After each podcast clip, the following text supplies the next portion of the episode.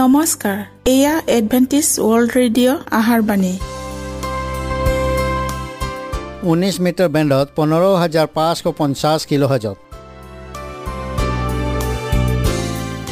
Adventist world radio যোগে অসমীয়া ভাষাত প্ৰচাৰিত আহাৰবাণী প্ৰত্যেক বুধবাৰ আৰু দেওবাৰ সন্ধিয়া সাত বজাত আহাৰবাণী শুনাৰ পিছত আপোনালোকৰ কিবা মন্তব্য আৰু প্ৰশ্ন থাকিলে আমালৈ এই ঠিকনাত লিখক। আমাৰ ঠিকনাটি হৈছে Adventist World Radio' Seven Day Adventist মণ্ডলী অসম শাখা লতাকাটা বশিষ্ট গুৱাহাটী সাত আঠ এক শূন্য দুই ন।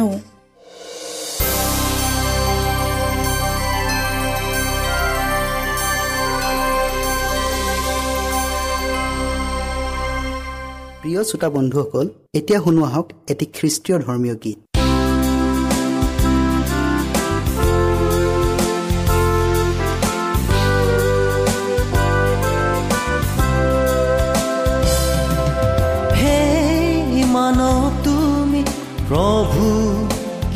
কিয় সন্দেহ কৰা। হে মানৱ তুমি প্ৰভু কিয় সন্দেহ কৰা? সময় নাই আৰু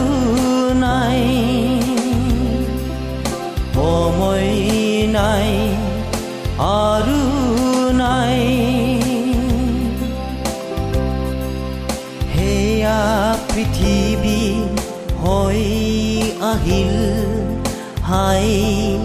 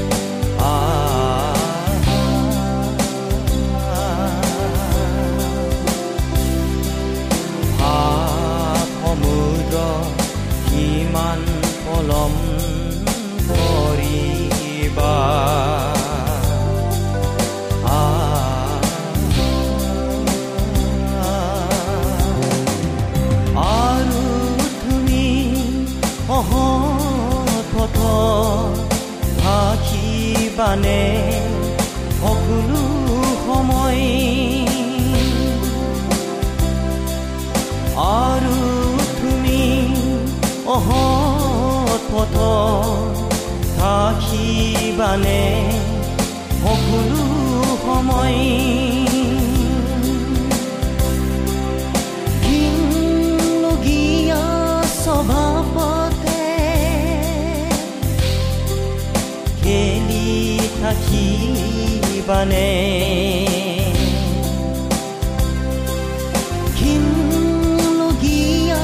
স্বভাৱতে খেলি থাকিবানে? হে মনত তুমি প্ৰভু কিয় সন্দেহ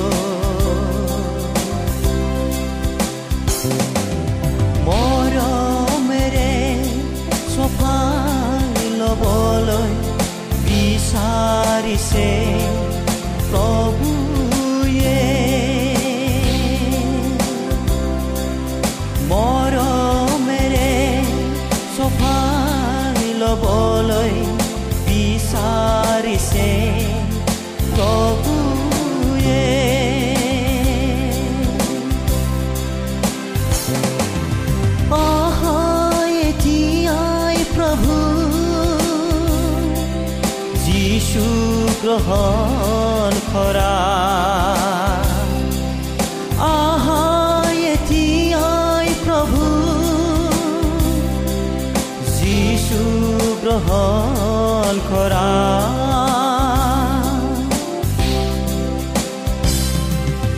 হে মানৱ তুমি প্ৰভু কিয় সন্দেহ কৰা হে মানৱ তুমি প্ৰভু কিয় সন্দেহ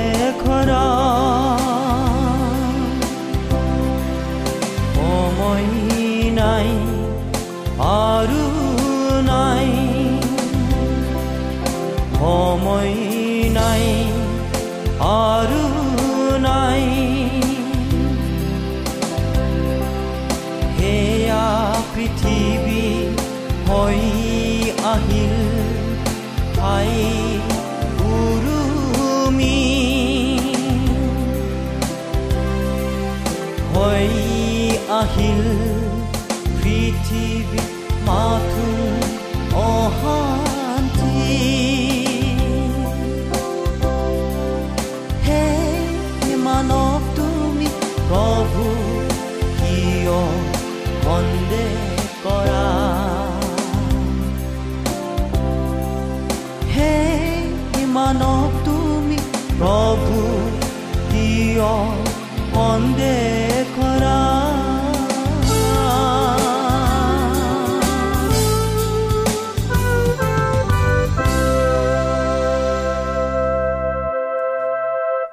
প্ৰিয় শ্ৰোতা বন্ধুসকল আহক আমি খন্তেক সময় বাইবেল অধ্যয়ন কৰোঁ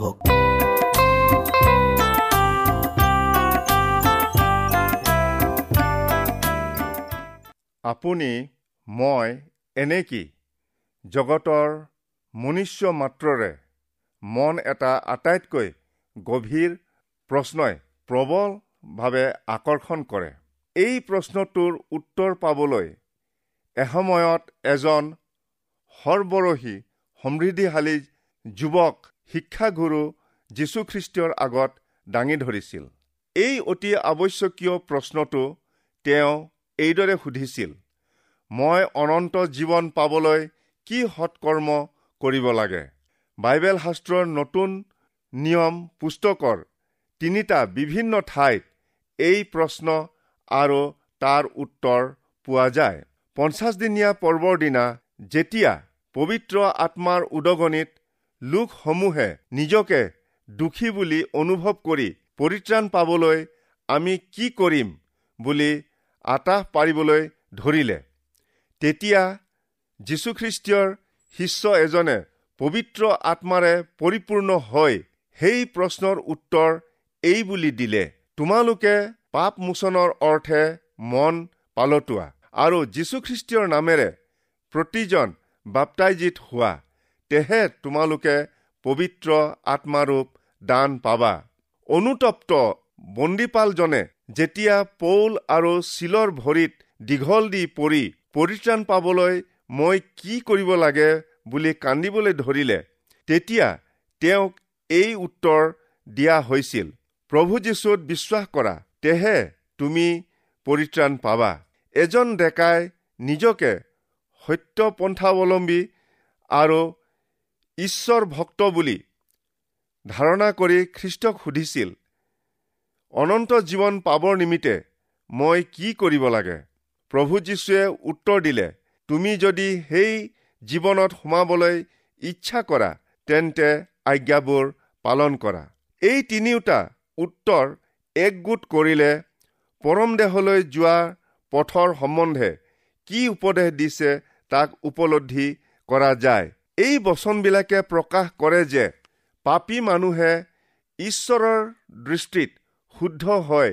ঈশ্বৰৰ অনন্ত ৰাজ্যৰ ভাগী হ'বলৈ তিনিটা বিশেষত্বৰ প্ৰয়োজন। পাপীয়ে পৰিত্ৰাণ পাবলৈ পাপৰ ক্ষমা পাব লাগিব পুনৰ জন্ম পা হ'ব লাগিব আৰু ঈশ্বৰৰ ইচ্ছা অনুযায়ী বাধ্যতাৰে জীৱন যাপন কৰিব লাগিব। ক'বলৈ গ'লে পৰিত্ৰাণ পাবলৈ অতি আৱশ্যকীয় তিনিটা খোজ আছে। সেয়ে এই দণ্ডমুক্তি অৰ্থাৎ পাপৰ ক্ষমা নতুন জন্ম অৰ্থাৎ পৰিৱৰ্তন আৰু যীশুখ্ৰীষ্টীয়ত অন্তৰত বাস কৰাৰ ফলত প্ৰতিদিনেই ঈশ্বৰৰ আজ্ঞাৰ অধীনত্ব জীৱন। কাৰণ যীশুৱে কৈছে নতুনকৈ জন্ম নাপালে কোনেও ঈশ্বৰৰ ৰাজ্য দেখা পাব নোৱাৰে। আৰু তোমালোক পৰিৱৰ্তন নহ'লে স্বৰ্গৰাজ্যত কোনোৰূপেই সোমাব নোৱাৰা। শাস্ত্ৰত লিখা আছে আমি নিজৰ নিজৰ পাপবোৰ স্বীকাৰ কৰিলে বিশ্বাসী আৰু ধাৰ্মিক যি তেওঁ তেওঁ আমাৰ পাপবোৰ ক্ষমা কৰে আৰু সকলো অধৰ্মৰ পৰা আমাক সূচী কৰে। ডায়ুদে যেনেকৈ তেওঁৰ পাপৰ ক্ষমা পাইছিল তালৈ মন কৰক। মই তোমাৰ আগত মোৰ পাপ হৈ কাঢ়িলোঁ মোৰ অপৰাধ আৰু লুকুৱাই নেৰাখিলোঁ। মই ক'লো জিহুৱাৰ আগত মোৰ অপৰাধ হৈ কাঢ়িম তাতে পাপত পৰা মোৰ দুখ তুমি ক্ষমা কৰিবা। জগতৰ প্ৰত্যেক মনুষ্যই পাপলিপ্ত গতিকে সকলোৱেই ঈশ্বৰৰ বিধানৰ দ্বাৰাই মৃত্যুদণ্ডেৰে দণ্ডিত। ঈশ্বৰে এইৰূপে ঘোষণা কৰিছিল যি প্ৰাণীয়ে পাপ কৰে সেই প্ৰাণীহে মৰিব। আৰু যিকোনোৱে পাপ আচৰণ কৰে সি বিধান লংঘন কৰে আৰু পাপেই বিধান লংঘন। আমাক সুস্পষ্টকৈ প্ৰতিশ্ৰুতি দিয়া হৈছে যে যীশুখ্ৰীষ্টীয়ক ত্ৰাণকৰ্তা বুলি স্বৰূপকৈ গ্ৰহণ কৰা প্ৰতিজনেই সুদবিচাৰলৈ আহিব নালাগিব। কিন্তু মৃত্যুৰ পৰা জীৱনলৈ পাৰ হ'ল। অনুতাপ পাপ স্বীকাৰ আৰু যীশুখ্ৰীষ্টীয়ক ত্ৰাণকৰ্তা বুলি বিশ্বাস কৰা এই তিনিটা চৰ্তত সন্মতি দিয়াত আমাৰ পাপ ক্ষমা হয় বুলি জানো। ডায়ুদে কৰা পাপৰ অনুতাপ কৰি তেওঁক নতুন আৰু শুদ্ধ অন্তৰ দিবৰ কাৰণে ঈশ্বৰৰ আগত কাটুৰুক্তি কৰিছিল এইদৰে। সেই ঈশ্বৰ মুঠ শুদ্ধ মন সৃষ্টি কৰা মোৰ অন্তৰত সুস্থিৰ আত্মা পুনৰাই জন্মোৱা। পৌল পাচনিয়ে কয় যে আমাৰ সংসাৰী মন ঈশ্বৰৰ বিধানৰ অধীনত্ব স্বীকাৰ কৰিবলৈ অনিচ্ছুক। যিমানেই আমি দৃঢ় সংকল্প নকৰোঁ কিয় তথাপিও আমাৰ এই পাপী অন্তৰে পাপ কাৰ্যলৈহে ঢাল লয়।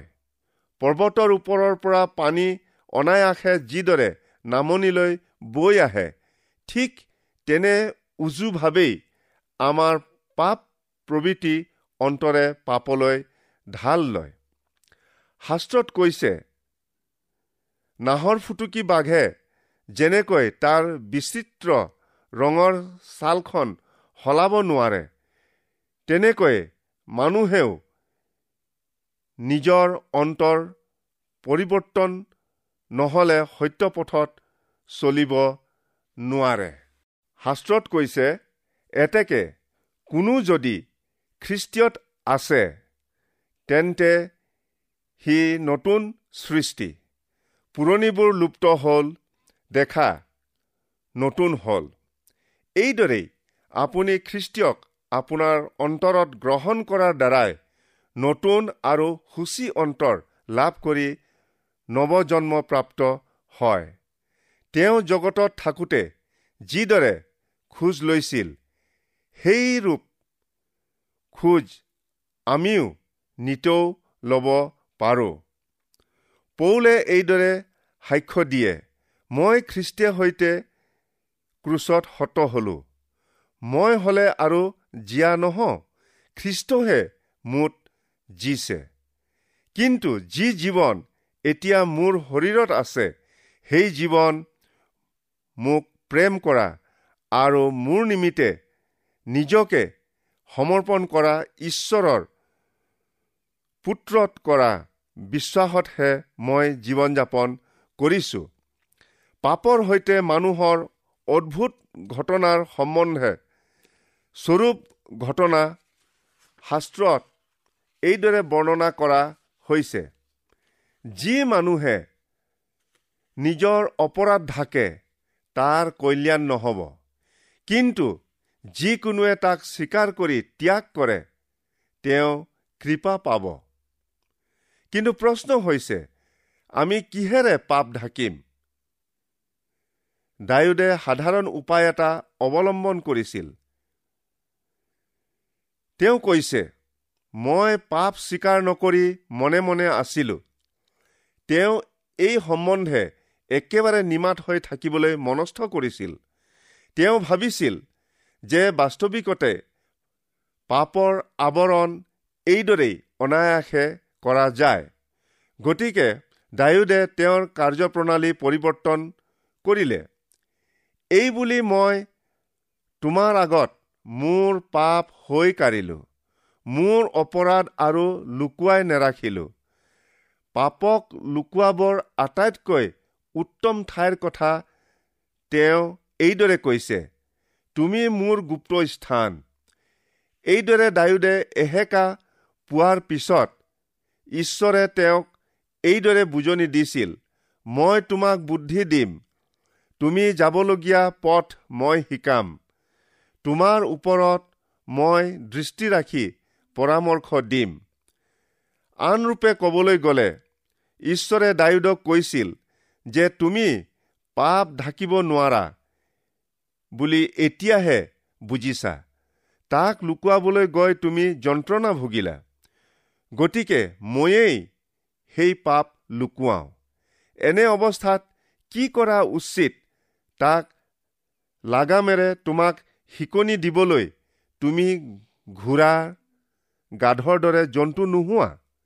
তাক জানিবৰ তোমাৰ প্ৰয়োজন নাই। পাপেৰে সৈতে আমাৰ যুদ্ধ বুলি আমি কওঁ পাপৰ অহিতে আমাৰ যুদ্ধ বুলি নকওঁ। ইয়াৰ দ্বাৰাই আমি প্ৰকাশ কৰোঁ যে এই পাপ শত্ৰু আমাৰ নিচেই ওচৰত ই আমাৰ লগত সদায়ে থাকে। আমি ইয়াক এহাতো ঠেলা মাৰি আঁতৰত ৰাখিব নোৱাৰো। স্বাভাৱিকতেই ই আমাৰ অন্তৰতেই থাকে। পাপ যেনেকৈ আমাৰ কাষ চাপি থাকে তেনেকৈ আন কোনো শত্ৰুৱে আমাৰ ইমান ওচৰত নেথাকে। পাপক খন্তেকৰ কাৰণেও পোষণ কৰা অনুচিত। পাপ স্বীকাৰ কৰিবলৈ আমি সন্ধ্যাৰ প্ৰাৰ্থনাৰ সময়লৈ বা কোনো ধৰ্মীয় উদ্দীপনা সভালৈ বা উপাসনালৈ বাট চাব নালাগে। পাপৰ ক্ষমা তেতিক্ষণেই দিবৰ ব্যৱস্থা আছে। আৰু পাপক যদি পোষণ কৰি নেৰাখি ততালিকে তাক আঁতৰাই দিয়া হয় তেন্তে ই চৰিত্ৰ কলংকিত কৰিব নোৱাৰে। পাপ পোষণ কৰি দুখী বিবেক লৈ জীৱন যাপন কৰিলে পাপৰ কাৰণে ব্ৰত বা তপস্যা কৰা হয়।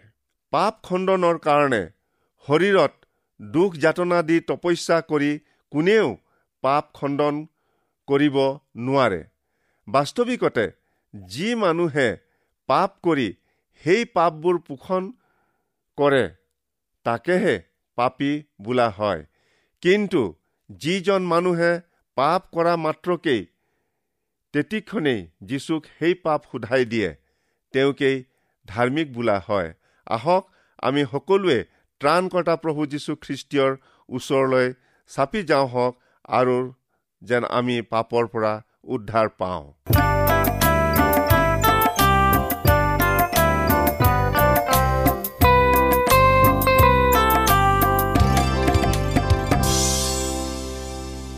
ইমানপৰে আমি বাইবেল অধ্যয়ন কৰিলোঁ। এতিয়া আকৌ শুনো আহক এটি খ্ৰীষ্টীয় ধৰ্মীয় গীত।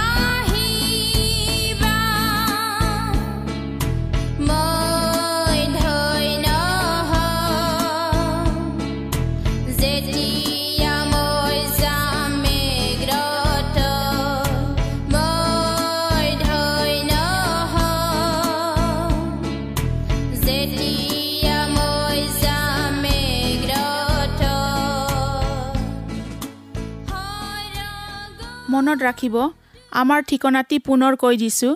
Adventist World Radio' Assam region of Seven Day Adventist Voice of Hope Lotakata Basistha Guwahati seven eight one zero' two nine প্ৰিয় শ্ৰোতা বন্ধুসকল এডভেণ্টিজ ৱৰ্ল্ড ৰেডিঅ' যোগে আহাৰবাণী প্ৰচাৰত আপোনালোকক পুনৰ লগ পোৱাৰ আহাৰে আজিলৈ সামৰিলোঁ। ধন্যবাদ।